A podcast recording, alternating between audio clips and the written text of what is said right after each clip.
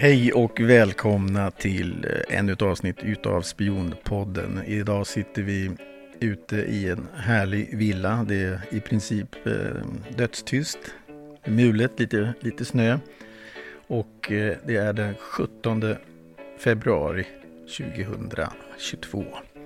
Och idag har vi en gäst som vi inte haft med oss på, på några gånger. Vera Efron, välkommen! Tack, tack! Vi hade ju tänkt, eh, eller jag skulle väldigt gärna vilja prata om eh, situationen i Ukraina-krisen och allt sånt där. Men vi tänkte att vi skulle försöka ha det lite mer som en diskussion. Men det viktiga för mig det är ju då att berätta för publiken att du var ju, har ju skrivit om Spetsnaz böcker och du hade ju även då skickligheten och förmånen att få vara med under eh, Krim nu ska inte jag säga annekteringen för det, det ordet tyckte inte du om. Men, Nej. men, men ehm, jag, jag kan... När, när, Sovjet, när Ryssland gick in i Krim, då hade du också, var du även med och kunde beskriva saker och ting och skrev om det här. Berätta. Det var 2014 när det började pratas, det mumlades eh, om eh, oroligheter konflikter eh, i Ukraina. Och att det kan ju spridas vidare till eh, som uh, orange revolutioner, uh, revolution till andra länder. Så det, det var ju väldigt stor orolighetsmoment. Men uh, 2009 eller 2010 då berättade jag i min bok om Spetsnaz och Э, om med sikte på Sverige, en annan bok, eh, just om Putin behöver någon blitzkrig för att vinna folkets förtroende, för att uh, höja upp sin status uh, som politiker, som landets ledare. För att hans siffror började dala väldigt, väldigt ordentligt och 2012 då var han på gränsen att uh, bli av med sin ämbete, Ryssland. Uh, och då, alla vet att uh, valet uh, var riggat på något sätt. Och nu hände det i Ukraina. han kunde inte acceptera att Ukraina skulle ta sin egen väg och bli medlem i NATO. Det är där det började egentligen. Så man kunde väldigt enkelt förutse att det händer någonting. Då var jag, jag satt som på nollar. Och när man... Eh, och nu pratar och, vi om, om, Krim? Om Krim, ja. och 2014. Mm. Och när uh, ryssarna, uh, eller när man ut, ut, förklarade att det blir en folkreferendum om Krim ska vara med i Ryssland eller med Ukraina, då packade jag väska och bara väntade. När de flyttade valdag från maj månad till uh, mars. De tidigare la? Ja, tidigare la den. Och då förstår jag för att han, eh, alltså Putin, han vill byta uh, kort. Så det är precis som en poker, man snabbt växlar. Och då var det för, allt för, för, för, förutsett. Och det är dit tack och lov att jag hade uh, möjlighet. Jag kom ensam på tåget, så allt uh, trafik, flygtrafik, busstrafik, uh, det var avstängt. Jag hann till det sista tåget och jag var ensam när jag kom till Simferopol. Och det berättar du väldigt spännande om i, i våra, ett av våra tidigare avsnitt. Men nu är det ju eh, dags igen. Eh, ja, det... det är inte första, alltså, Ukraina har ju velat komma med eller har talat om det i ganska många år nu. Och nu har man också tidigare lagt eh, både övningar och eh, framförallt nu utanför Norge har man tidigare lagt vissa stora militärövningar och flyttat på dem. Ska vi ta någon, någon, dra någon slutsats av det? Egentligen nej. Uh, jag tror inte på att det blir krig med Ukraina. Så Krim var väldigt, väldigt strategisk Eh, Eh, platser. Så att bli av med Sevastopol, att bli av med Krim som eh, i geopolitisk situation, det var som vi pratade innan, alltså Potjomkin eh, som var med Katarina den stora, hennes som kallas premiärminister, eller försvarsminister med modern språk, då han insåg även då hur viktigt Krim var för Ryssland och uh, det är fortfarande på samma sätt. Alltså det är en strategisk uh, punkt för Ryssland och de släpper aldrig det. Så det, det... Och Potemkin då för våra lyssnare, det var eh, Katarina den stores älskare och, mm. och han ansåg att man skulle se till så att man får kust mot eh, Svarta havet. Och det hade man inte innan, så det blev ett krig mot turkarna va? Mm. Det var flera turkiska krig innan Potemkin också, men till slut det var Potjomkin som vann uh, det sista kriget mot Turkiet och som sagt, eh, då blev ju Krim ryska. Så ur strategisk synpunkt då kommer uh, Ryssland aldrig släppa det här. Det, det var lite uh, problematiskt med Donbass uh, och Lugansk. Om man tittar på... Och det är östra Ukraina? Det är östra Ukraina. Det är, de flesta som bor där, där de är ryssar också. Och uh, pratar ryska. Men det är inte det som det handlar om egentligen. Donbass, det är väldigt uh, rik på naturtillgångar och det är mest uh, kol och järn. Kol och järn? Så, okay. Ja. Och uh, Donbass var industriellt område, så det tappar som bas, ekonomisk bas. Men egentligen, det är inte det absolut viktigaste mm, som Krim. Så om, jag, om man inför Krim och Donbass och, och Lugansk så det är inte den viktigaste ur geopolitisk synpunkt. Samtidigt som uh, det var, om man tar, tar eh, Krim ur geopolitisk synpunkt eh, så, och attityd till eh, Europa, så det är de flesta, de flesta har redan accepterat att okej, okay, man ska inte bete sig på det sättet som många ser. Men både militära och politiker även i Sverige. Man ska bestraffas och Putin och Ryssland bestraffas väldigt hårt med olika sanktioner. Putin vet att kommer han in i Ukraina nu, anfaller, då blir de, uh, Ryssland blir av, uh, bortkopplat från Swish-systemet. Och det betyder att alla kort kommer att slockna. Om Putin skulle äta gröt, det vet jag inte. Men uh, hans närmaste, som har redan skapat sina konton, uh, köpt uh, ja, villor och uh, förmögenheter i utlandet, nej, de vill inte bli av med, med det som de har nu. Jag, jag, jag, måste säga att jag har ganska nyligen hört eller, eller läst, jag, jag, kan inte säga att det var från någon expert, men, men, men jag, vet att det är en mycket lärd person som berättade att Rysslands ekonomi är så dålig att den till och med är jämförbar med typ Spanien. Ja, det stämmer. Det stämmer. Det, BNP är väldigt uh, låg eh, och inflationen är hög. Eh, och det, det blir sämre och sämre och sämre. Så han, BNP-tillväxt är 0,5 procent och det jämfört med Sverige till, uh, under pandemin, så det, det är inte jämförbart. Och, han kämpar, min åsikt varför han började med det här med eh, uh, hot och eh, NATO, så det är egentligen NATO finns ju där de finns eh, i så många år. Men uh, han började nu.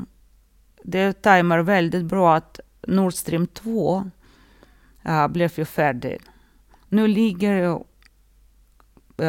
pipeline på båten på Öster, Östersjön. Men man kan inte pumpa ut gas. Och gas det är en av de mest viktiga importsaker, exportsaker för Ryssland. Och det är där pengarna kommer. Och nu ligger det stilla. Man har eh, till, eh, till och med skrivit för nästan underpris med Kina. Eh, väldigt långgående, långsiktiga kontrakt på att leverera gas och olja till Kina. Men det täcker inte hela behovet. Så den här gasen, Nord Stream 2, är väldigt, väldigt viktigt för Ryssland också. Vad än de säger. Så ekonomi är baserad på gas och olja. Men just Nord Stream 2 har ju, är ju väldigt förknippat med, med Tyskland eh, och Angela Merkel. Och mm. Båda två Angela Merkel var ju före detta östtysk eh, Stasi. Stasi tillsammans med, de känner ju varandra sedan, mm. sedan långt mm. tillbaka och har ju mycket speciell relation, eller hade. Och, och nu har ju Merkel slutat och, och, och, så hela den här eh, alltså balansen mellan Europa och Nord Stream och Ryssland har ju, har ju varit mycket beroende av Tyskland och, och Merkel. Ja, men om man tittar, om vi bortser från uh, nuläget, alltså det konflikt, så hur var det tidigare? Så uh, under Sovjettiden, då uh, var den här röret som gick, det uh, kallades druzjba, eh, eller vänskap. Då gick den från Sibirien ledning till Östeuropa. Och då eh, för, fördelades det till Polen eh, och alla andra länder. Efter Sovjetunionens fall, eh, då Får bara säga, då, då måste man bara göra klart att Ryssland och Sovjetunionen har ju alltid försett Europa med gas ja. och, och, har kontinuerligt levererat, så det har aldrig varit några problem. De har ju verkligen skött sig. Ja, de har uh, skött sig ordentligt. Det var från 72 de byggde upp det här pipeline, så det var aldrig något problem. Men när Sovjetunionen föll, då blev det lite oroligheter här och där. Tyskland eh, vars ekonomi är, eh, eller industri är väldigt beroende av eh, gasen, då kom de överens med Ryssland att ledningen ska gå direkt från Ryssland via Östersjön till Tyskland. Då slipper man trabbel med Vitryssland, med Ukraina som bråkar jämt.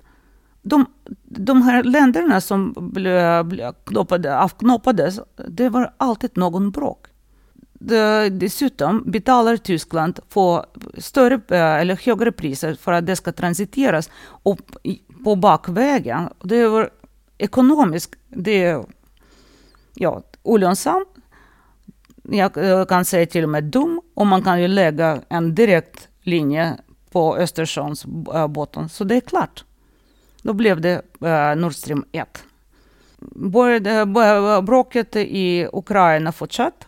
Uh, Turkiet uh, var det också lite eh, uh, problematiskt.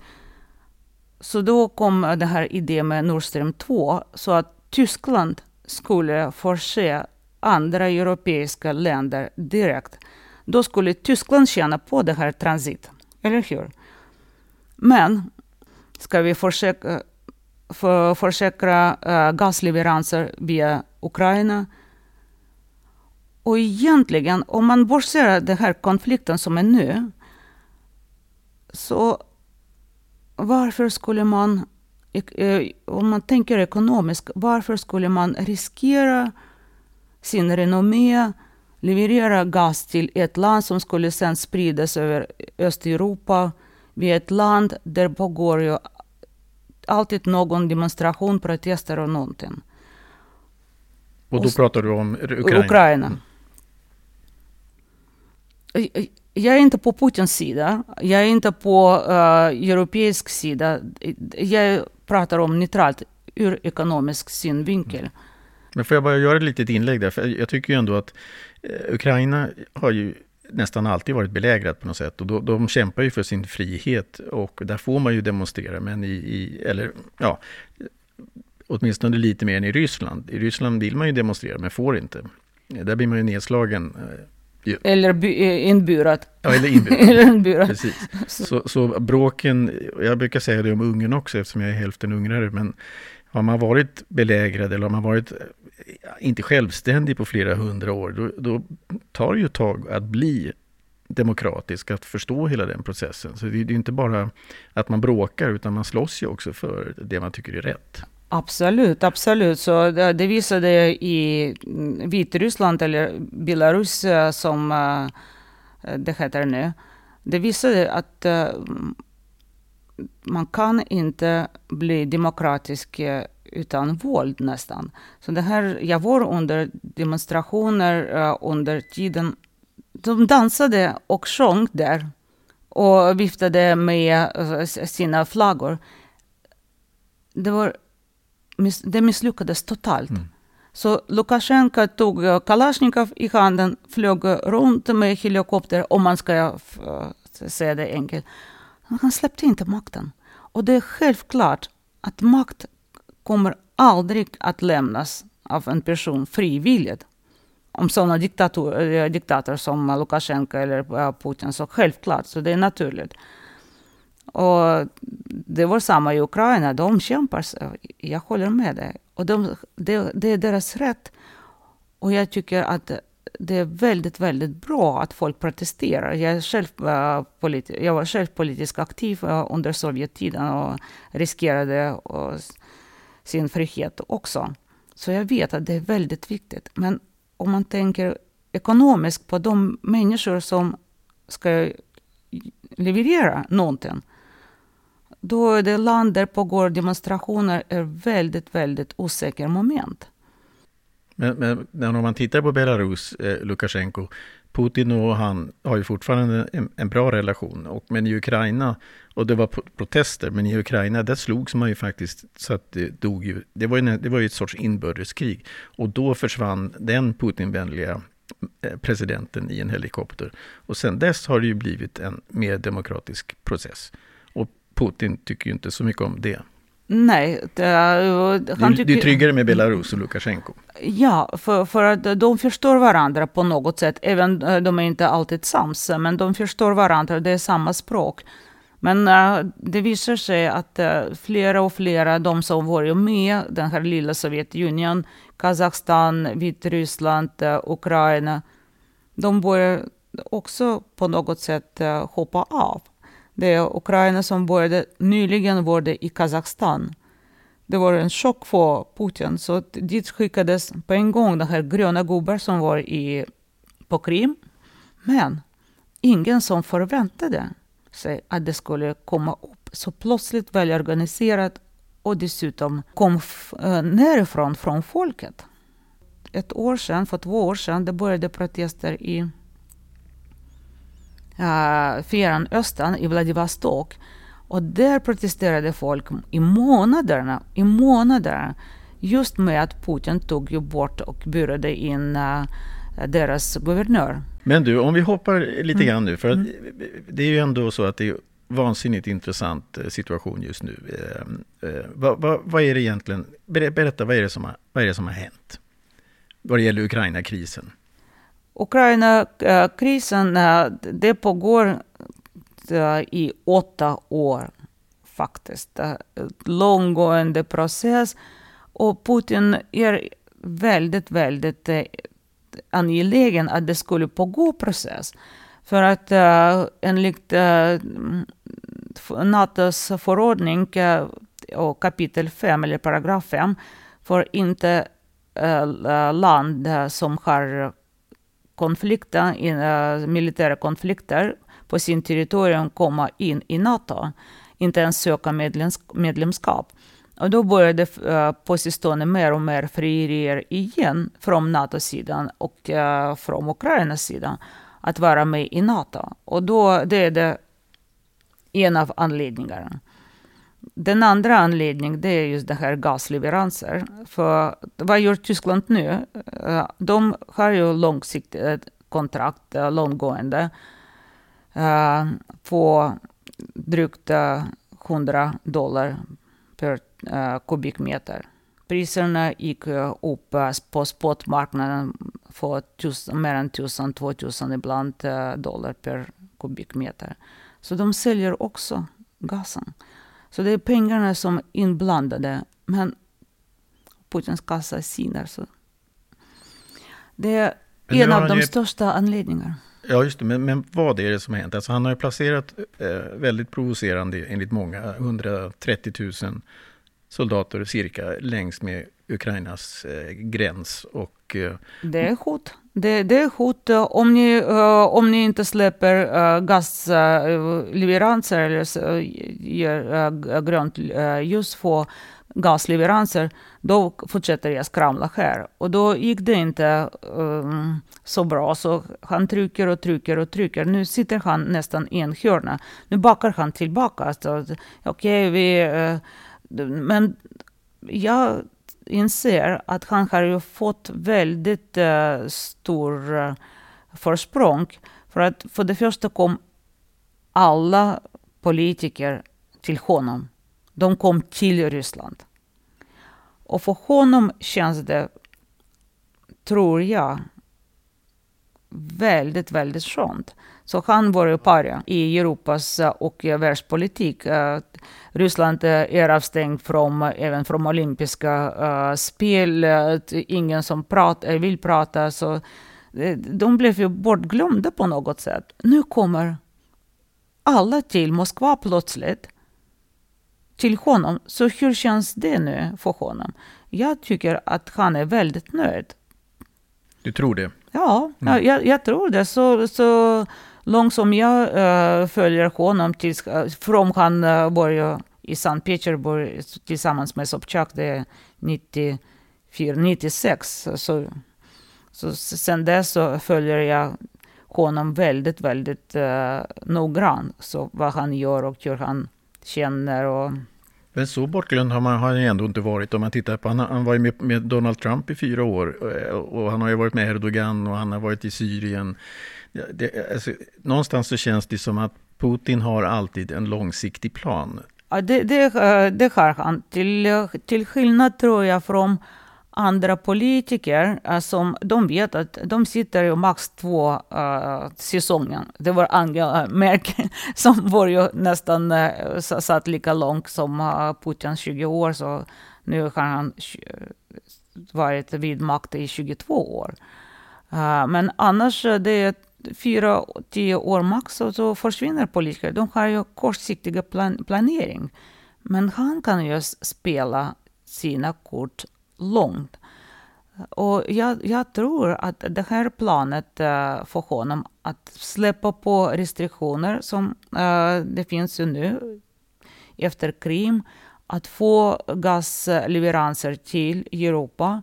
För att äh, det här med, med Kina som han är tvungen, alltså illa tvungen att vända sig till Kina så, och sälja gas väldigt, väldigt billigt jämfört med till exempel eh, man kunde sälja det till Europa.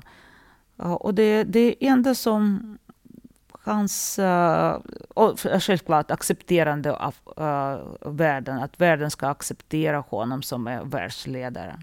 Det är hans privata ambitioner. Men han, han vill ju också ändra, han har ju skrivit det här brevet, det här berömda brevet med olika punkter som många reagerat på. Kan du beskriva som hade en fredsavtal?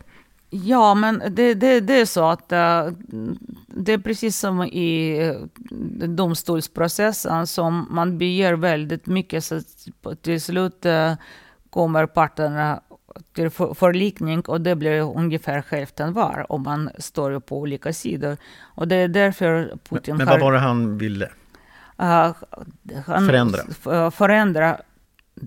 Han vill ingenting egentligen. Han vill sälja gas och få bort de flesta restriktioner för att hans närmaste som uh, nästan alla har ju sina tillgångar i utlandet, att de skulle få det fritt. Så det är många som blev avstängda. Så konto beslagtagna. Så det, det, är inte roligt. Eh, och så kommer till Putin och klagar på det. Så det, det, egentligen det är personlig tragedi eh, för de som har sina tillgångar avstängda eller eh, frysta. Så det, det, är inte bra. Men, men, han vill ju med det här brevet också ändra fredsavtalet, alltså det världs, världsfreden på något sätt. Med, med att han, de ska kunna bestämma dra villkoren på vilka som får vara med i NATO eller inte. Och det var ju ganska stora ord som jag tror många blev väldigt upprörda över.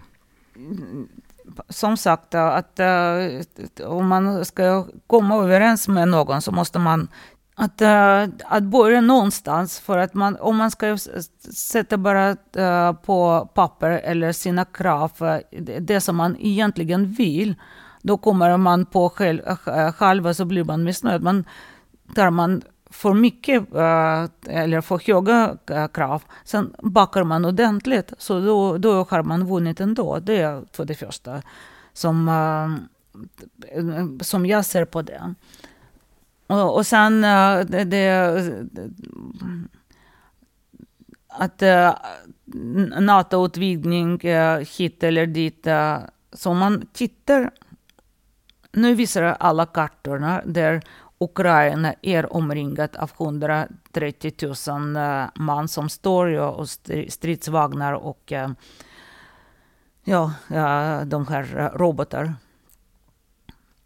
Men om man, ingen som visar Europakartan med militärbaser, inte Turkiet heller, så egentligen om man ska vara rättvis för att förstå så skulle man visa även NATO-militära baser. Och eh, som sagt, jag är väldigt, väldigt neutral. Eh, och jag tittar på konflikten från Sverige som också är neutralt på, på, på åtminstone än så länge. Och, och då ser man att det är ensidigt information. Om man ska vara riktigt neutral, då skulle man visa här är NATO, våra baser, vad står uh, vapen in, uh, riktat? Vi försvarar oss. Absolut, NATO är för eh, försvarsallians. Uh, det är för att försvara.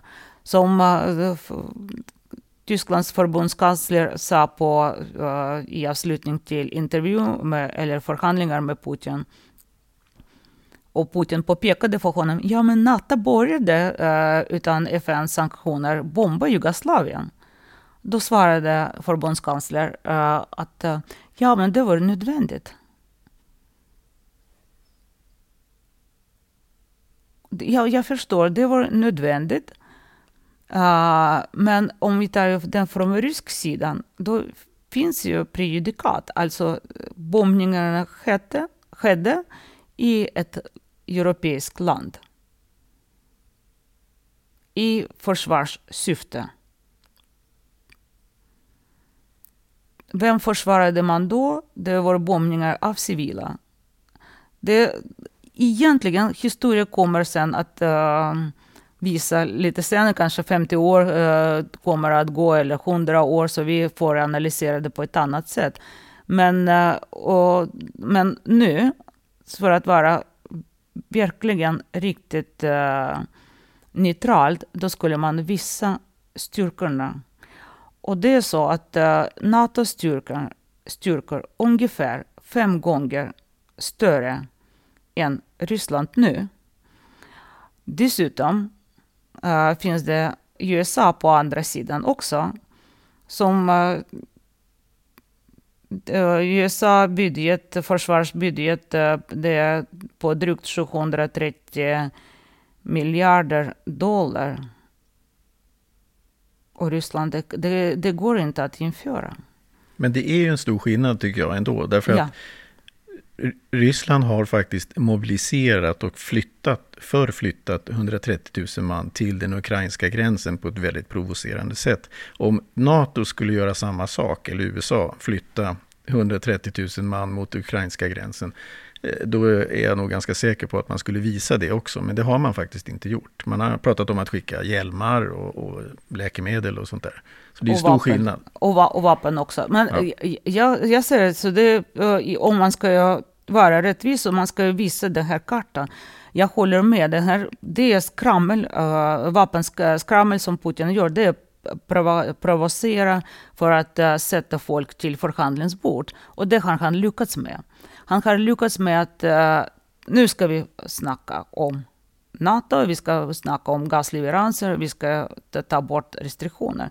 Det är hans politiska ambitioner. För att han sitter också uh, lös nu för tiden. Det här, uh, kommer han att starta krig mot Ukra Ukraina, då kommer han uh, bort från sitt presidentsämbete. 100 procent. Så ingen av, uh, jag, jag, vet inte hur det är med militära, men jag tror inte att det finns någon ryss i Ryssland som vill starta ett krig, ordentligt krig med Ukraina. Det kommer inte att ske. För det första, det är på, uh, folks missnöje. Den andra är ekonomisk. Det finns ingen ekonomisk eller geopolitisk vinning med att uh, ta in Ukraina. Att sätta uh, lite styrkor där och här. Det, det var ju för, uh, påtvingningsmedel för, uh, för Europa att uh, uh, få igång dialogen. Han kunde inte göra det på ett annat sätt. Uh, och, och, han lyckades.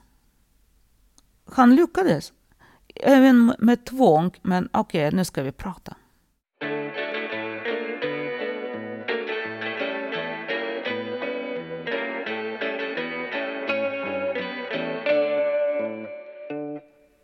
Men är det inte ändå eh, lite problematiskt att, att hamna i den sitsen? Kommer man inte alltid känna att Putin inte riktigt är seriös om man, om man skramlar och säger ni började i Ja, seriös och seriös. Så, så, som sagt, hans uh, opinionssiffror som uh, förskönas uh, hela tiden, även nu, så de är så låga.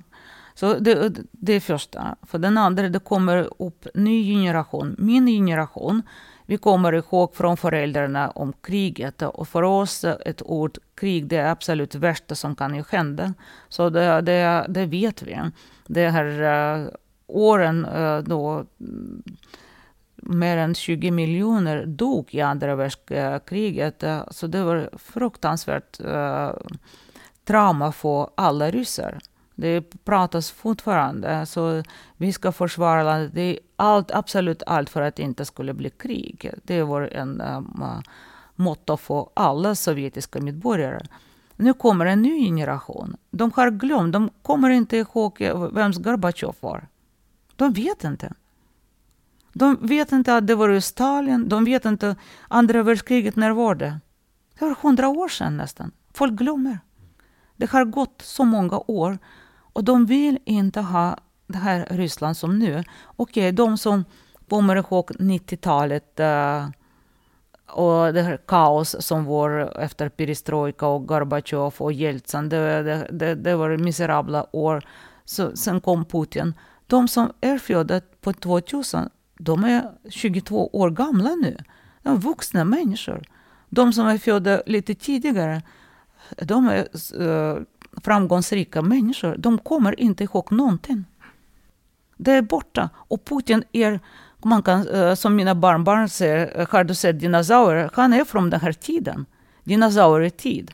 Där folk slogs för att få någonting. Han har ju den här gamla mentalitet som inte accepteras av unga människor. Det, det, han är så passé, så jag tror att om han inte dör av naturliga skäl så blev han bortpetat på ett annat sätt. Ja, som Stalin, ungefär. Dog. Konstigt nog. ja, de lät väl honom ligga där och ja. Eh, dö i sin egen ja. avföring om ja, jag inte minns fel. Att ingen kallade på hjälp när han... Nej, alla väntade, okej okay, nu... Eh. Mm. Det var några höga militärer som stod och tittade på när han... Mm. Det, det, är någonting som kan ju hända. Han Eh, lever över sin tid. Och det, det är säkert precis som Ja, eh, någon eh, frågade mig om det här 16, att, att alla förväntade att det ska, skulle bli ett krig, invasion eller någonting. Och uh, amerikaner fick ju information via sina avlyssnings och säkerhetstjänster. Det är desinformation, eller desa som det kallas på, på ryska. Eh, det, det är Ryssland väldigt bra på. Så man skickar desinformation till exempel. Och då ser man hur världen reagerar. Så det är, det är normalt äh, agerande från ryska sidan. Så jag tror att konflikten löses ganska snart. Alltså. Men, men, världen reagerade ju med panik. Eh, när amerikanerna började berätta om sina underrättelser så reagerade ju världen med panik, ungefär som när, när man började stoppa, eller när allting stängdes ner av, av eh, virusen. Och man började undra, är, är, det, är det media nu som styr hur resten av världen ska leva? Ja, jag tror det. För att äh, även eh, jag har många vänner och bekanta i, i Ryssland som jag pratar om. Och jag, jag eh, pratade med en tioåring tjej, för, hon är tio år, för några dagar sedan. hon fick ju panik i skolan. Alla pratade om att ah, nu, de säger att klockan sex kommer i, i ryska medier, likadan. Eh, nu kommer Ryssland att anfalla Ukraina. Och, och eh, det var panik. Barnen blev ju rädda. Ryska barn i skolan. De blev ju rädda för att det blir ett krig med Ukraina. Och då eh, frågade jag, men varför är du rädd? Varför är du rädd? Hon säger, ja men jag har ju vänner. Jag har bekanta där, vi träffas, vi, de som bor vid gränsen eller i Ukraina och släktingar och allt. Så, och varför, vad blir det om det kommer uh, krig? Då börjar bli, man bli, börjar bomba. Nej, jag vill inte. Hon grät. En tioårig barn i rysk skola, i Moskvaskolan. De är rädda för att Ryssland anfaller. Uh, så Men, det, här. Vad är det för skillnad nu mot, mot när Krim, nu pratar jag amerikanerna mm. och underrättelse, spioneri, underrättelsetjänsten. Mm. Då var det ju knäpptyst mm när, när, när ryssarna gick in i Krim. Nu, nu är det paniksignaler eh, när de, innan de ens har gått in. Va, va, va, varför? Vad va, vad är det för stora... Det är en enorm skillnad på hur amerikanerna reagerar och informerar mot förra gången? Ja, jag, jag, jag misstänker, det är min egen åsikt. Så det är intressant kanske och jag tycker om att spekulera kanske, jag vet inte. Det är min privata personliga åsikt. Jag tror att det styr, pengarna styr. För att det är så mycket, så, eh, uh, vapenaktier gick ju upp, eh, uh, vapenförsäljning eh, uh, gick upp, ekonomi började rulla igång. Uh, så pandemin är slut, så många länder har avslutat uh, det här med att eh, med pandemi, som ekonomi måste eh, börja fungera. Och det nästa hot som finns, det är Ryssland. Och då ska vi spela det här kortet. Så pandemi är redan ett uttråkat kort för massmedia. Och nu har man hittat ett eh, nytt sätt att reagera. Så världen förändras just på grund av vi, styr via massmedia, via sociala medier. Vi styr uh, pengens flöde. Ja, men vad jag försöker komma till är att när Krim anfölls så visste ju amerikanerna om det också. Ja. Eh, och, men då sa man ingenting. Nu är det en liknande situation. Och, men, och nu säger amerikanerna och är jätteöppna med information om att nu den här dagen ska, kommer de anfalla och ditten och datten. Det har ju varit väldigt tydliga signaler från, från USA. Eh, och jag bara undrar, vad är skillnaden? Hur, hur de reagerar i, idag mot hur de reagerade på på, inför Krim? Eh, jag, jag tror att ingen, ingen som eh, trodde då att det kan ske. 2008 uh, eh, genom eh, uh, georgiska kriget, det visade sig att Ryssland kunde förflytta sig väldigt snabbt. Alltså det på, under några dagar så förflyttades väldigt stora styrkor i bergsområdet. Så bara, och sen uh, satte man igång med krigföring några dagar. Kriget blev avslutat. Så nu när eh, Krim kom sex år efter, då är det glömt. Och jag, jag, jag, tror säkert att det var förberedande. Eh, väldigt noggranna, så amerikanerna fick information för att deras båtar, militära stridsbåtar var i Svarta havet och, bevakade, så, de visste att det kunde ske. Men man visste inte att det skulle ske så snabbt och, allvarligt. Det, ingen som förutsåg att det skulle bli så snabbt och så allvarligt. Och, sen, och nu pratar vi om Georgien. Och Krim och också. Krim, okay, och Krim. Ja. Mm. Så både, i, både där, där mm. de fallen, då, då visste amerikanerna, de fick information. Så uh, nu när båtar går ju, eller flyter, man förflyttar styrkorna, det finns ju allt på kartan, man kan ju se i eh, nästan streamade. så att alla kan ju se hur det går. Så, men då var inte någon förberedd. Det, det var ju fräckt. Snabbt och fräckt. Både i Georgien och i Krim. Och att uh, berätta, okej, okay, vi hade fel. Ja, vi visste inte erkänna sitt fel. Jag tror från amerikansk sida var det också så. Att de inte trodde fullständigt att man kunde ja,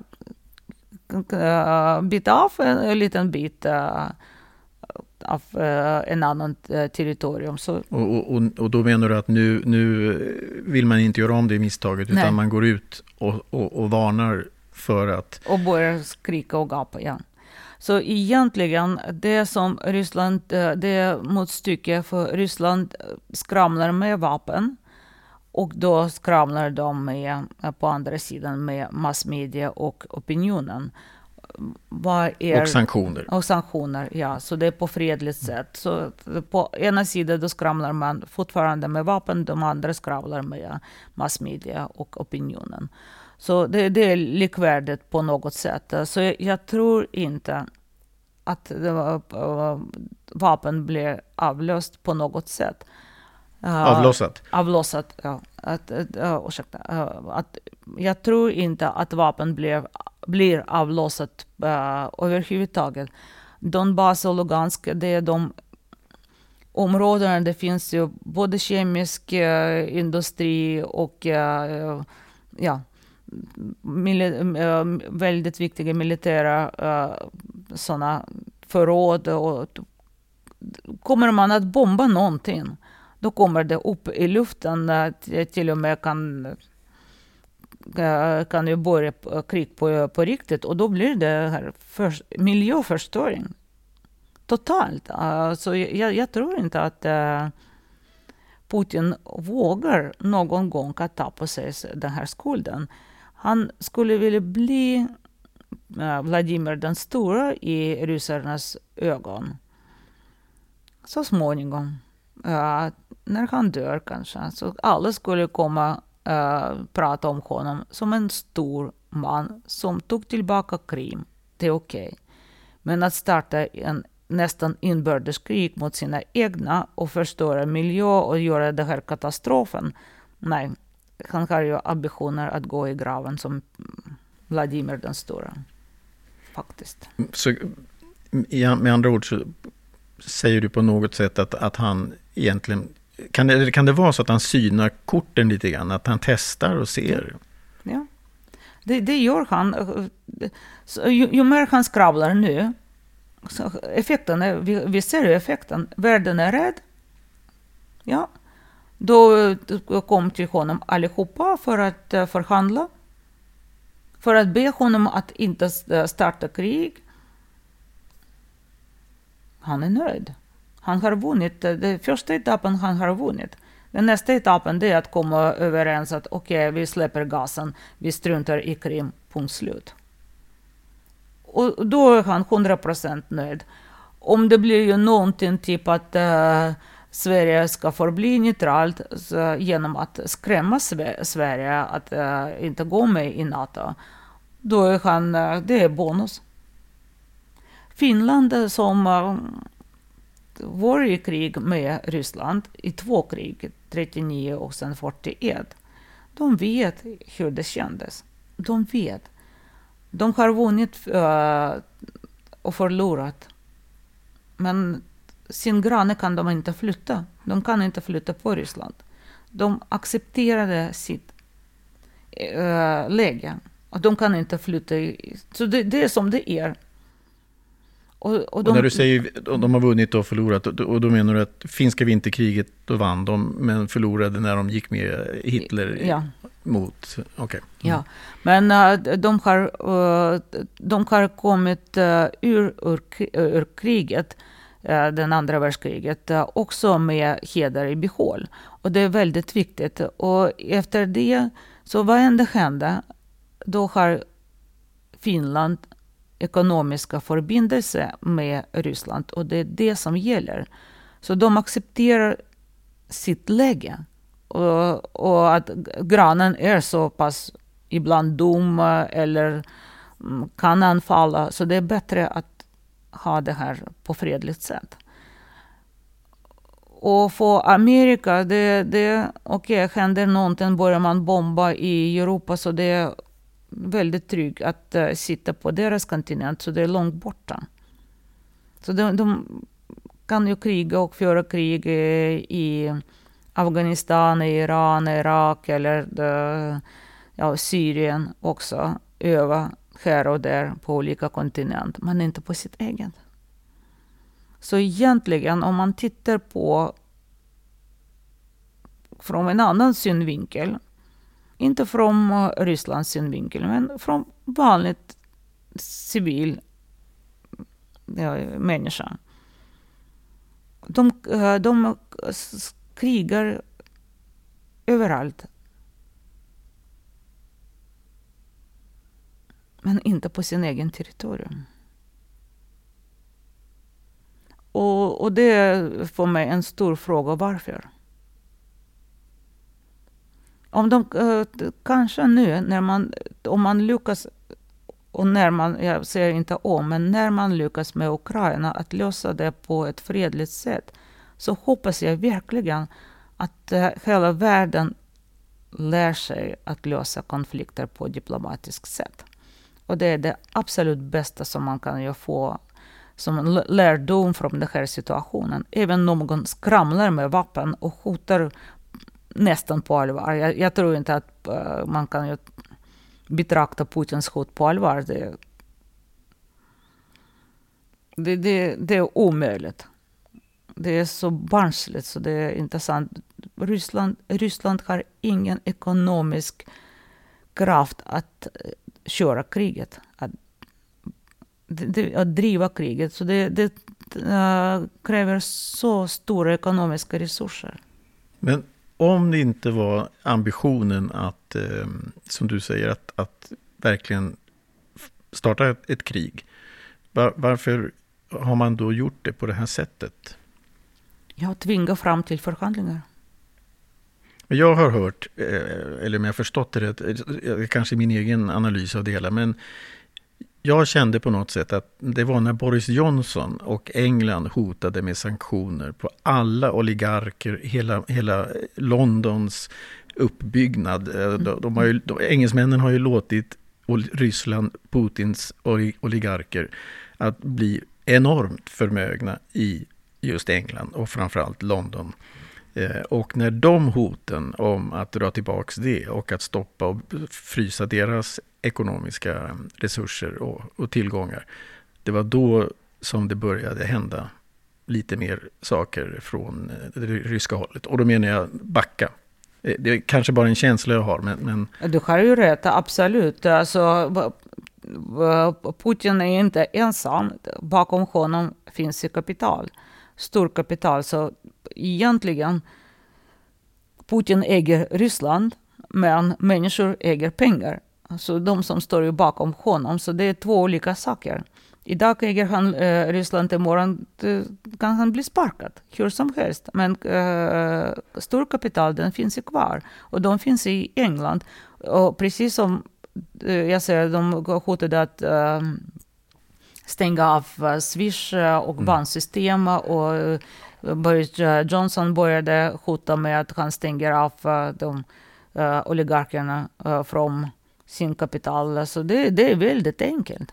Ja, du sa Swish, men jag, vet att du menar Swift. Ja, jag, tycker, jag tycker det är vansinnigt intressant just det här med, med kapitalet. Och, och, men man kan ju då fråga sig lite grann nu när man ser hur Ryssland agerar. Med, med, om, om det verkligen har varit så klokt att låta, tillåta att oligarker och så mycket rysk, ryska pengar har fått ta över ett land, eller som man har gjort med, med, med, med Saudiarabien, eller oljepengar nerifrån Mellanöstern, som också har tagit över och köpt väldigt mycket i London. Om det nu har varit så, så klokt att... Tillåta det? Ja. Eh, av Putin. Han kunde inte förbjuda det heller. Nej, inte av Putin, av, av engelsmännen. Att ja, låta engelsmän. dem... Ja, det, det, när, jag tycker inte att ordet beroende... Jag, för, för mig friheten är väldigt, väldigt viktigt eh, och uh, laddat ord. Oberoende, men den som sitter i skulden är aldrig fri, sa Göran Persson, tidigare statsminister. Eh, och det är sant. Eh, och när man är beroende av rysk gas eller olja, av eh, ryska pengar eller andras pengar, då, då är man inte fri på ett sätt. Men vad England kan, kan göra det är bara stoppa till, tillgång. Så de, pengarna finns ju uh, inom landet på bankerna. Så de kan man inte flytta. Man kan inte ha tillgång till dem om man blir avstängd. Så vad gör man om en vanlig människa blir avstängd från sitt konto? Pengarna finns inte nu. De finns inte i madrasser. Förut då kunde man åtminstone spara i någonting. Men nu kan man inte ens köpa guld. Så man måste registrera sig. Och guld har man inte i tackor heller. Så det, nu finns det inga pengar. De finns ju bara som siffror någonstans skrivna. Och det är väldigt enkelt att ta, äh, kappa av dem. Så det, världen är lite tokigt. Men, ja, men det är intressant det här. Därför att, för om man tittar på det just med, med England. Och, och, det är ju väldigt mycket kapital i, i, i, pengar. Men det är också väldigt mycket i fastigheter och, och mm. fotbollslag och allt mm. sånt här. Men man kan ju då också tänka sig att det kanske är ett smart system att låta någon få ta över för att sen bara säga, ja men nu, eh, om ni, om ni busar där borta, då stänger vi ja. av det här. Mm. Då får inte ni tillgång till det. Mm. Så vissa, om man, jag, kan, jag, liksom, jag har läst någonstans, eller att man kan höra folk säga, men varför har man tillåtit ryssarna göra det här? Eh, så kanske det är ett ganska smart sätt att låta andra länder få bygga upp ja. rikedomar. Det gör ju, även i USA har man ju stängt av eh, även då saudiska pengar mm. och irakiska, iranska ja. pengar. Och... Ja, det var ju det, stora pengar som blev ju, uh, Gaddafi blev ju av. Eller uh, det, hans uh, arvingar. Borta, nej. Det diktators pengar, så vi stänger av kontot. Och var finns det pengar och tillgångar? Ja, de finns ju fortfarande i England. Så det är deras politik. Väldigt smart faktiskt. Väldigt smart. Men det, på det sättet kan man också reglera fredsprocessen, som vi ser ju nu. När Boris Johnson sa, ni grabbar, jag kan ju stänga av det här på en sekund. Och det är en sekund, så, och då är det klart. Då börjar det bli mycket, mycket värre än med det här vapenskrammel som Putin håller på med.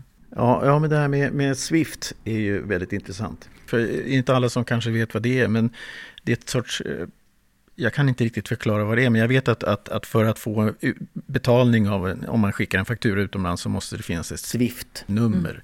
Så det är en sorts internationellt betalningssystem. Ja, och uh, kort, uh, även i Ryssland, de Visa, uh, Mastercard och uh, lite andra. Men det är två system. Så stänger man av det här så då är det ingenting kommer att fungera i Ryssland. Man kan inte ens uh, använda sina egna kort. Inte ens ryska kort som en, de är anpassade till det här systemet. Och framförallt så kan man, om man stänger av Swift från Ryssland, så kan man inte skicka ut och in pengar heller. Nej, men inte ens inom Ryssland. Aha, okay. Så det, det, okay, man kan ju, i, i, Ryssland finns det fortfarande kontanter. Mm. Det fortfarande. Eh, även om uh, nästan alla använder uh, det här s, s, uh, banksystem nu. Mm. Mer och, och, mer, så det är inte så svart ekonomi som det var tidigare. Men kommer man att stänga av det här, det, det går inte att skapa ett nytt så enkelt. Ryssland försökte. De det, det gick inte så bra. Eh, tyvärr. Så det är väldigt komplicerat, men då blir man avstängd från hela världen. Och även under kalla kriget, när det var järnridå, eh, under Stalins tid, när det var absolut omöjligt att åka utomlands eller få information, även under den tiden uh, fanns ju handel på något eller annat sätt. Handel började efter 1917 revolution när det, det, var ju allt upp och ner. Bolsjevikerna kom till makten och så sa nu är det allt vår. Så mm, världen vände ryggen för uh, eh, det här nya Ryssland. Men det har gått inte mer än fem år så alla länder började acceptera, okej, okay, det är deras angelägenheter, det är de som gör revolution, gör vad ni vill, bara inte kom till oss. Så, ja, det var det absolut viktigaste. Men då började handel och den uh, pågick ju hela tiden, ända, även under andra världskriget. Det var väldigt, väldigt viktigt. Så både för omvärlden och för Ryssland. vad ska de göra? De, kan, de producerar nästan ingenting. De kan överleva. Men den unga generationen, det är de som ifrågasätter. Varför det? Varför du bestämmer över hur vi ska leva? Hot, ja, det, det fungerar till en viss gräns. Jag kommer ihåg mig, mig själv till exempel, 70-talet. Det var som värst. Början av, eh, slutet av 70-talet, början av 80-talet när det var som värst. Ja, man, som en ung har man ingenting att förlora. Men man vill inte leva i det här systemet. Och jag, jag tror att uh, hans, alltså Putins dagar är räknade. Faktiskt. Men det här kriget, då visade han sig... Alltså, om ryska barn blev ju rädda i skolan att kriget kan börja, då förlåter de aldrig honom det här. Jag, jag tror inte.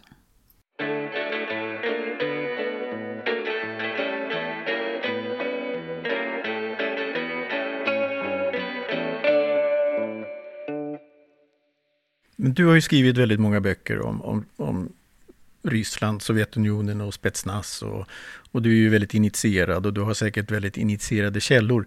Vad säger de om det här som har hänt nu? Vad tror de eh, kommer att hända nu i Ryssland? Ja, det är ungefär samma att uh, någonting måste ske, uh, alltså någon förändring, uh, maktskifte. Men uh, det finns, uh, Putin kom också på, som från ingenstans. ingen som trodde på honom, ingen som kunde räkna ut att någon som jobbar på som en springpojke skulle bli en president. Absolut inte. Det kanske kommer nu snart också, men förändringar kommer inom ganska åskådligt framtid. Mm. Jag kan inte säga ett år eller ett och ett halvt år, men uh, någonstans där, ett, två år.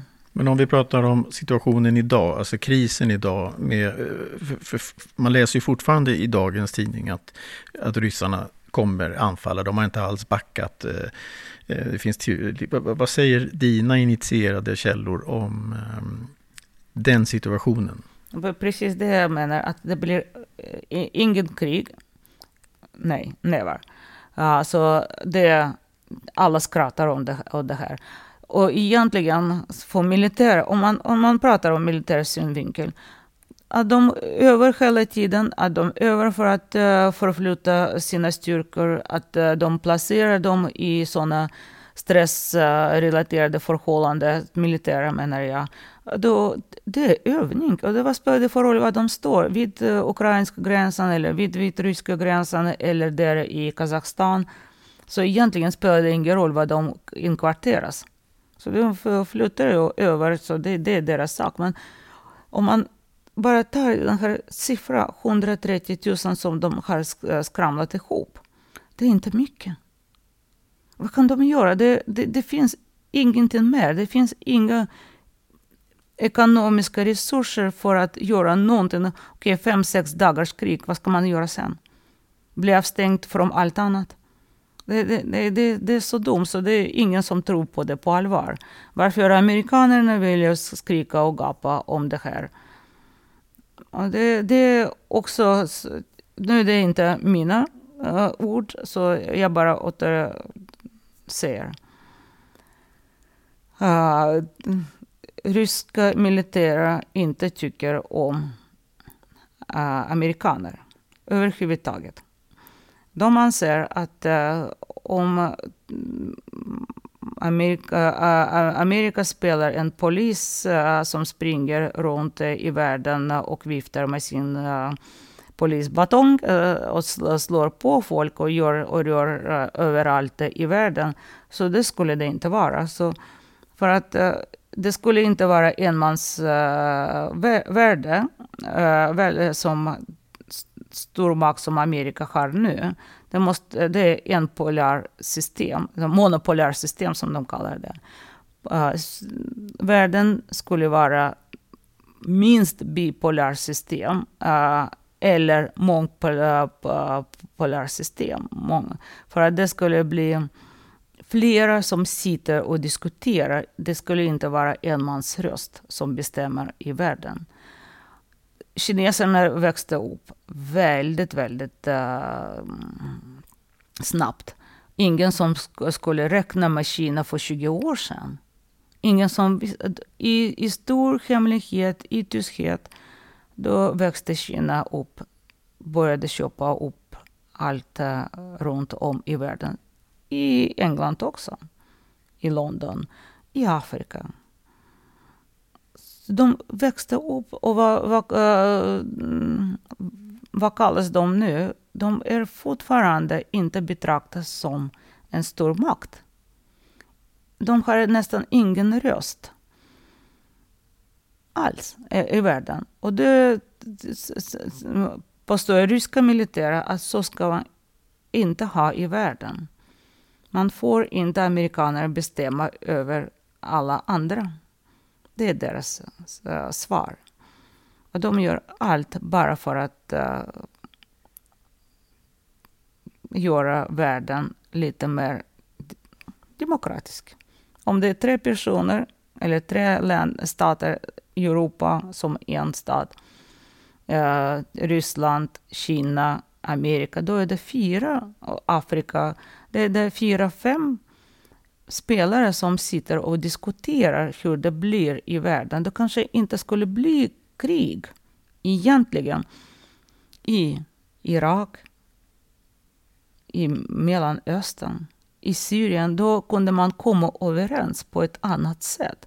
Egentligen att starta alla dessa, alla dessa eh, senaste krig som startades, det var under tiden då Sovjetunionen försvann. Uh, och uh, Kina var uh, väldigt svag som system och Europa kunde inte säga någonting heller. Så det blev ju det här Mellanöstkrig. Så jag, jag, tror fortfarande att den här konflikten med Ukraina det kommer att visa att förhandlingarna, diplomatiska förhandlingar, där alla är inblandade.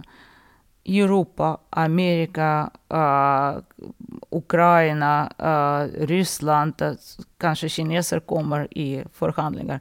Så man kan ju på diplomatiskt sätt lösa problemet. Och då blir det kanske prejudikat i världen att skramla med vapen går inte. Kanske nästa gång blir det Nordkorea Man kan ju prata med dem till förnuft. Inte skicka eh, sina robotar eh, över eh, Japan. Men, men, men, om det blir en diplomatisk lösning, då, då är det ju ändå vapenskramlet som har vunnit. Därför att han vill ju, kom, han vill, han vill ju någonting med sitt vapenskrammel. Ja, han då, vill ju sätta folk till förhandlingar, ja. Ja, han vill skrämma folk till förhandlingar. Mm, skrämma, skrämma, folk, folk ja. till förhandlingar. Ja. Ja, det, det, det, det sett sätt också. Och jag, jag, kan, jag kan inte säga att det är positivt sätt. Eh, men uh, om det finns bara ett enda sätt i hans kortspel, det kanske skulle vara flera andra. Till exempel inte mörda motståndare. sina politiska motståndare, inte sätta dem eh, i fängelse, inte eh, använda polonium eller eh, Novichok eller allt annat. Så det kanske finns ju andra sätt. Men han som politiker, han som är president, har inte de verktyg i sin låda. Så kanske kommer andra som har lite mer sofistikerade verktyg för att inleda för, eh, fredliga förhandlingar. Men han är från dinosaurietiden. Han har ju bara vapen och spioneri i sin uh, verktygslåda. Det är det som han har. Lönnmord. Ja. Det är väldigt, och jag håller på att skriva om det här nu också. Så det är väldigt, väldigt bra sätt att skrämma sina egna. De, eh, från förrädare, men det förekommer. Och de håller på att hela tiden avrätta och rensa och det... Men där kan man ju också undra lite grann om det verkligen är Putin som ligger bakom. För om man tittar på, det är ju väldigt många som kommer förlora på om Putin försvinner. I Ryssland. Mm, ja, eh, men samtidigt tror jag att han har ju tillgång till eh, internet. Eh, självklart, han hinner inte med att läsa om allt, men det finns ju mm, journalister fortfarande. Det finns i Ryssland fortfarande journalister och deras mm, program de visas i 10, 10 miljoners visningar på Youtube. Så det är mot Putin, honom själv. Och det här ukrainska eh, programmet eh, också. Så det är varje gång han kommer ut, Gardon, med sitt eh, program på Youtube. Det visas tiotals miljoner. Så han får information, men egentligen det som kanske vi som föräldrar tycker om våra barn, hur det, vad, vad blir. Så, och han har byggt upp landet och erkänna att eh, jag har misslyckats, det är väldigt, väldigt eh, svårt. Så då har han misslyckats med sitt liv. Med det som han la sin själ att vara och en stor ledare för ett stort land. På slutet av sitt liv och erkänna att han misslyckas, det är svårt. Lenin förresten, han har ju sagt det här. Jag förstår att jag har gjort fel. Det var en av de sista ord han sa i sitt medvetande. Han eh, 20, eh, han sa eh, även att vi har gjort många fel offentligt. Men sen sa han också att eh, tyvärr, vi, jag inser nu att vi har misslyckats. Men tror inte du ändå, om, om Putin nu, det är riggade val, det, det, man, man fängslar och, och, och förgiftar eh, oppositionen, man, det finns ingen fri press eh, och så vidare och så vidare och så vidare. Har man inte redan misslyckats då? Ja, men eh, eh, det, det beror på, nej, det tror jag inte att uh, han medvetet. Det kanske gror i undermedvetande att uh, det har inte gått som det ska. Men han har han satt sig i fällan, uh, i ett hörn. För att han har ingen utväg. Det, det, finns inte. Han sitter där han sitter. Han murat in sig själv. Och nu när han um, sitter på så långt avstånd, han är så rädd för att något kan hända. Eh, att, eh, tänk på att människor är så rädda för sitt liv. Vi vet alla att vi dör. Han, han vet ju det också. Men han vill inte dö kanske på soptippen eller någonstans eh, som Gaddafi eller som Saddam Hussein det, det, är mm. hans... Uh, jag, jag, tror att väldigt många människor, i alla fall den yngre generationen, inte vet att, att många i princip nästan alla premiärministrar, statsministrar, diktatorer har, har ju immunitet. De, de, kan ju inte bli åtalade så länge de sitter vid makten. Och det är därför väldigt många av de här håller kvar makten, de förändrar lagar för att de ska sitta längre och längre och längre för att de är så livrädda att bli av med, med makten. Eh, och det ser vi med Gaddafi och de mm. mördas hit och dit så fort de blir av med makten. Men, men om man tittar på Putin då. Vad är det han är, är så rädd att förlora? Förutom makten. Ja, sitt liv. Han, han är precis rädd för det. Han blev ju avrättad så, så mycket som han gjorde, så han vet att han blir utkastad. han, han lovade Jeltsin själv för immunitet Eh, så, och höll eh, eh, sitt löfte. Han hjälpte även sin före detta chef Sobchak som var borgmästare i Sankt Petersburg också det, det här. Så han har sin officersord som han kallar det här så, och håller löfte. Men han tror inte på någon och han förmodligen är rädd att bli av med sitt liv och barnen kanske kommer att uh, förlora. Det, är väldigt mycket också. Hans egna barn? Hans egna barn, mm. ja. Så han... Ja, så det, det han... Uh, men sitt eget liv så han är väldigt rädd för. Ja, så det, det, slutet är givet, så det är därför han sitter och... Ja. Det, det sägs ju att han, att han är världens rikaste person. Eller att det ryktas om att, mm. han, att han är det. Men ingen vet riktigt var pengarna finns. Nej, han äger, som jag brukar säga, han äger Ryssland. Han är världens rikaste person. Han äger Ryssland nu. Men vad, vad blir det? Det är uh, en sekund för att alla blir av med sina tillgångar nu. Det är väldigt enkelt. Så det är bara ett uh, telefonsamtal till någon så vi fryser allt. Kanske lite eh, diamanter som man har på, eh, på sig. Så det är kanske det som man kanske kan behålla. Nej, ingenting annat. Det stängs på en gång. Och vill, man vill inte. Det som bolsjevikerna gjorde mot eh, tsaren, tsarens familj, mot eh, eh för, eh, andras förmögenheter, de får det tillbaka nu. Karma heter det.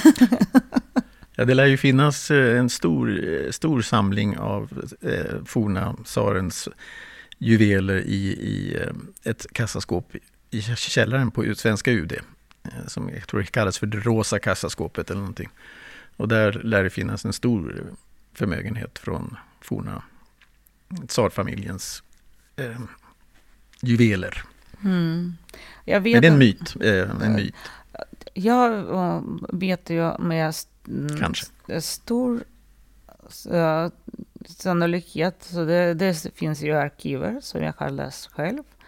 1917 i februari månad så det här um, regeringen, demokratiska regering som kom till makten efter tsarens uh, abdikering.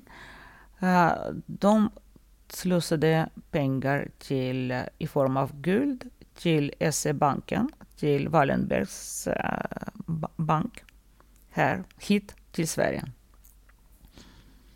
1930 kom Kollontaj, Madame Kollontaj hit som ambassadör eller sändebud. Denna Madame Kollontaj. ja.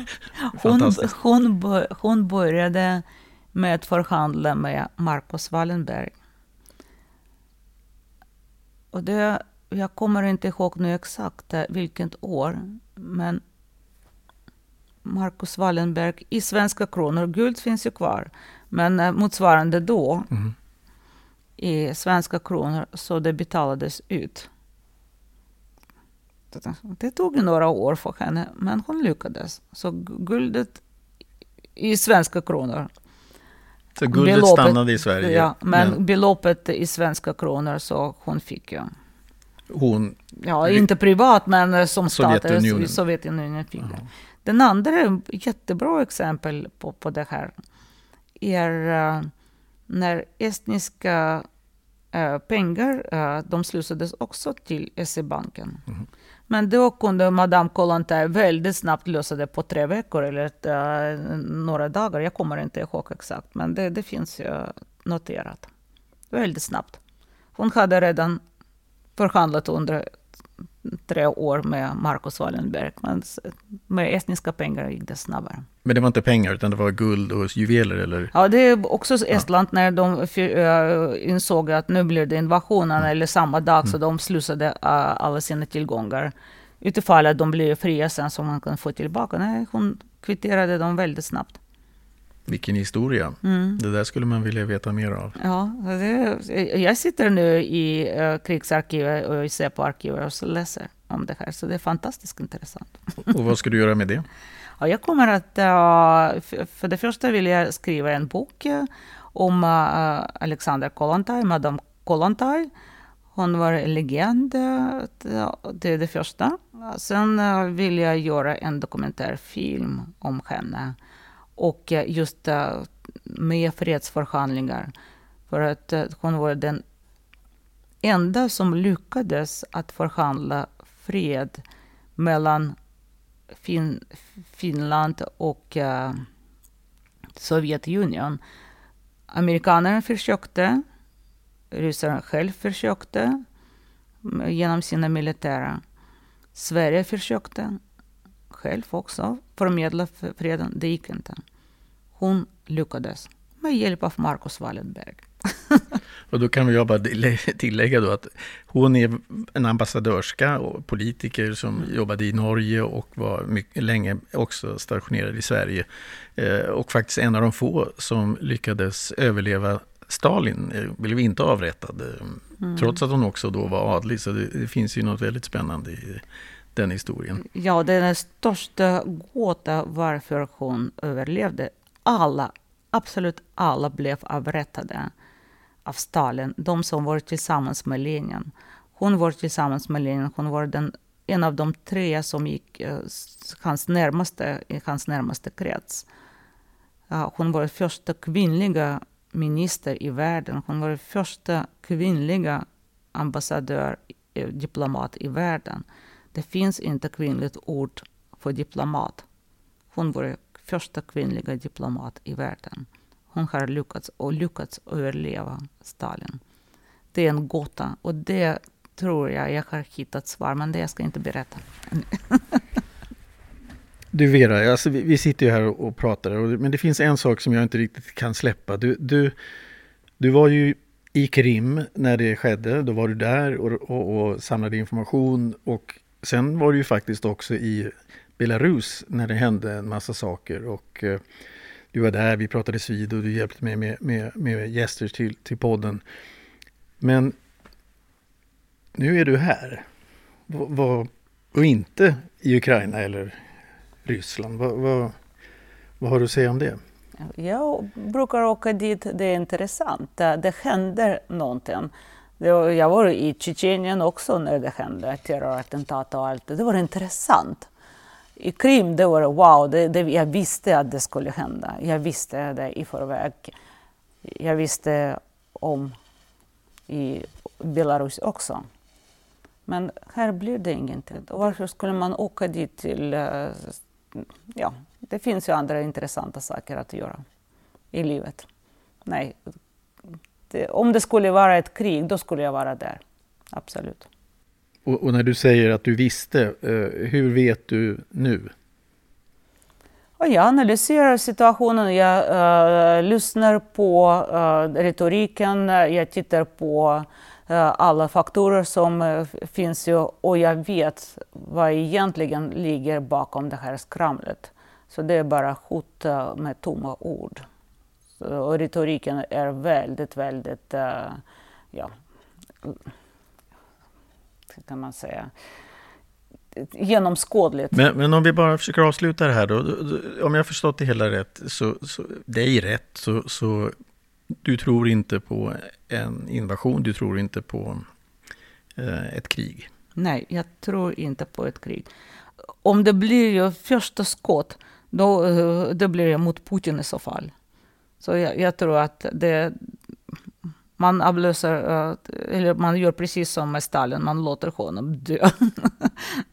det, nej, det, jag, jag kan inte säga hundra procent, så det, Gud vet vem som kan börja. Det kan vara provokation, väldigt stor provokation på, på någon, av någon på något sätt. Eh, så kan eh, det, det uppstå konflikten, men det blir aldrig långvarigt krig och Ryssland kommer, och framförallt han kommer att förlora.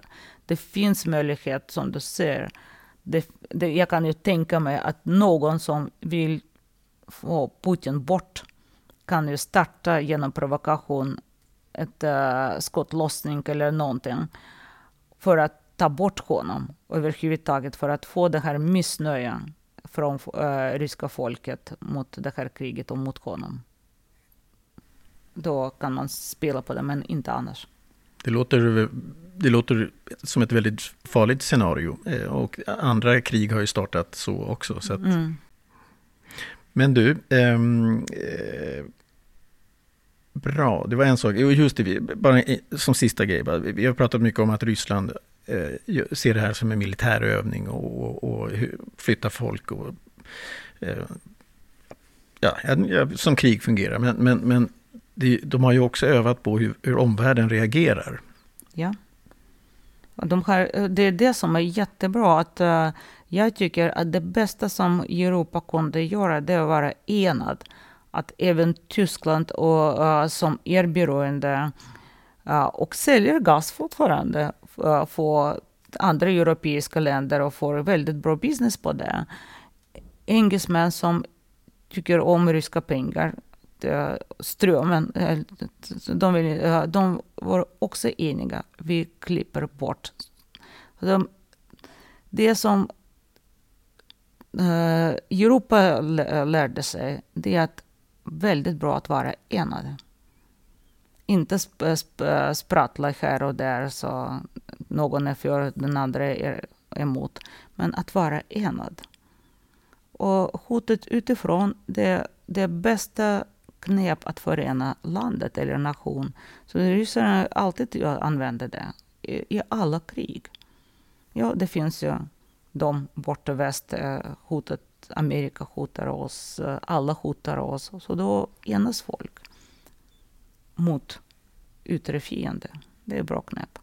Men vi har åtminstone i Europa lärt oss att vara enade. Det är bästa sätt. Att vi allihopa är med. Om man då bortser från eh, krigen i, i Balkan och fruktansvärda händelser. Så, så, men om vi, om vi har lärt oss nu vore ju fantastiskt. Och jag tycker att det är ett väldigt bra avslut på den här eh, fantastiska intervjun. Just att enighet är någonting som ger styrka och som kommer vara fredsbevarande för framtiden mm. kanske. Det är just diplomatiska förhandlingar, dialog, lyssna på en eh, annan partner, lyssna alla, eh, även i Europa, har sina egna motiv, motivering eh, och uh, intresse. Men att gå ifrån sina egna intressen och försvara gemensamma intressen. Uh, och uh, gemensamma intressen, det är ett fred. Det är en fredlig process och den ska bevaras. Och det kanske är väldigt man kan, kanske ska tacka Putin. faktiskt. Ja, men vi får inte glömma att Putin faktiskt också, han har krigat i Georgien, Kazakstan. Eh, alltså, ska, man, ska man verkligen släppa in en person som skramlar med så mycket vapen och har sig, om man, bara för att han inte får som han vill? Du pratar ju om att man ska släppa in flera, att USA inte ska vara eh, världsbestämmande, världspolitiskt, det, det kan, tror jag nog alla kan skriva under på. I alla fall andra som inte är amerikaner. Men, men ska man verkligen släppa in en person som, om man inte får som man vill, och som bara börjar skramla med vapen och gör världen mycket rädd och osäker. Men om man, man tar till exempel sandlåda och barn. Mm, det... vi, vi, har ju, vi, vi som har ju barn, så vi vet ju hur man lär en som bråkar, en bråkstacke som knuffar andra barn i sandlådor till exempel och uh, kastar, sand. kastar sand på uh, andra. Så kommer en uh, fröken och säger du får inte göra så. Om du gör så, så ingen som kommer att leka med dig. Så förklarar på ett diplomatiskt sätt hur man ska bete sig i den här sandlådan. Så kanske om vi tar det på det sättet, alltså man kan lära Ryssland man, det går inte att skramla med vapen. Ta det på diplomatiskt sätt. Och, och inte uh, mörda sina egna uh, motståndare. Så de kanske... Man lär sig. Och jag, jag tror att han är den sista, uh, absolut sista i, från det här skara som är och diplomatiskt som är diktator. Det är det absolut mm, crescendo, uh, om man tar det på musikaliskt sätt. Uh, i slutet av uh, det här långa symfoni som Sovjetunionen sång kanske. Eller, så det är det absolut slutet. Jag, jag tror inte att det blir andra. Från den gamla kommunisteran. Ja. Så Sovjetunionens sönderfall, det var inte slutet. Det var ju nästan slut. Mm. Eller skänslut eller sköndöd. nu det är riktigt, riktigt sista konvulser som det här dinosaurier kommer på att dö. Den håller på att dö. Jag, jag tror ett, ett, två år max. Alltså. Så vi får väl hoppas då att mm. Eh, Putin är den sista dinosaurien. Ja. Så, så vi, Ryssland kan eh, gå vidare och han, man blir trött, så han är så bra på det. Han, han tröttar ut folk. så ingen som orkar nu med det här envärldsstyre, enmansstyret, autokrati, med det, det här eh, mm, mm, uh, penningstvätt, eh, korruption. Det är så äckligt så jag, pratar med folk dagligen. Jag pratar med folk och de är äcklade av det här systemet som de är tvungna att leva i. Jag, jag kommer ihåg det här. Jag levde i det här systemet, jag vet. Mm. Men det, jag, jag tror att det är sista konvulser. Okej. Okay. Jag hoppas att du har rätt. Mm. Jag hoppas verkligen att du har rätt vad det gäller att det inte kommer att bli ett krig. Och jag hoppas att dina källor eh, mm. också har rätt. Så det blir inget krig? Nej, det blir inte. Ja, det skönt att höra. Tack. Så jag får tacka dig för den här gången, Vera Efron. Tack själv. Det var väldigt kul att ha dig här. Tack så mycket. Tack, tack. tack. Och glöm inte att även gå in på Facebook sidan Spionpodden. Där lägger vi som vanligt upp lite extra material från varje avsnitt. Eller vi försöker att lägga upp lite extra material. Eh, Mikael Hylin heter jag. Stort tack för att ni lyssnade. Tills nästa gång, hej!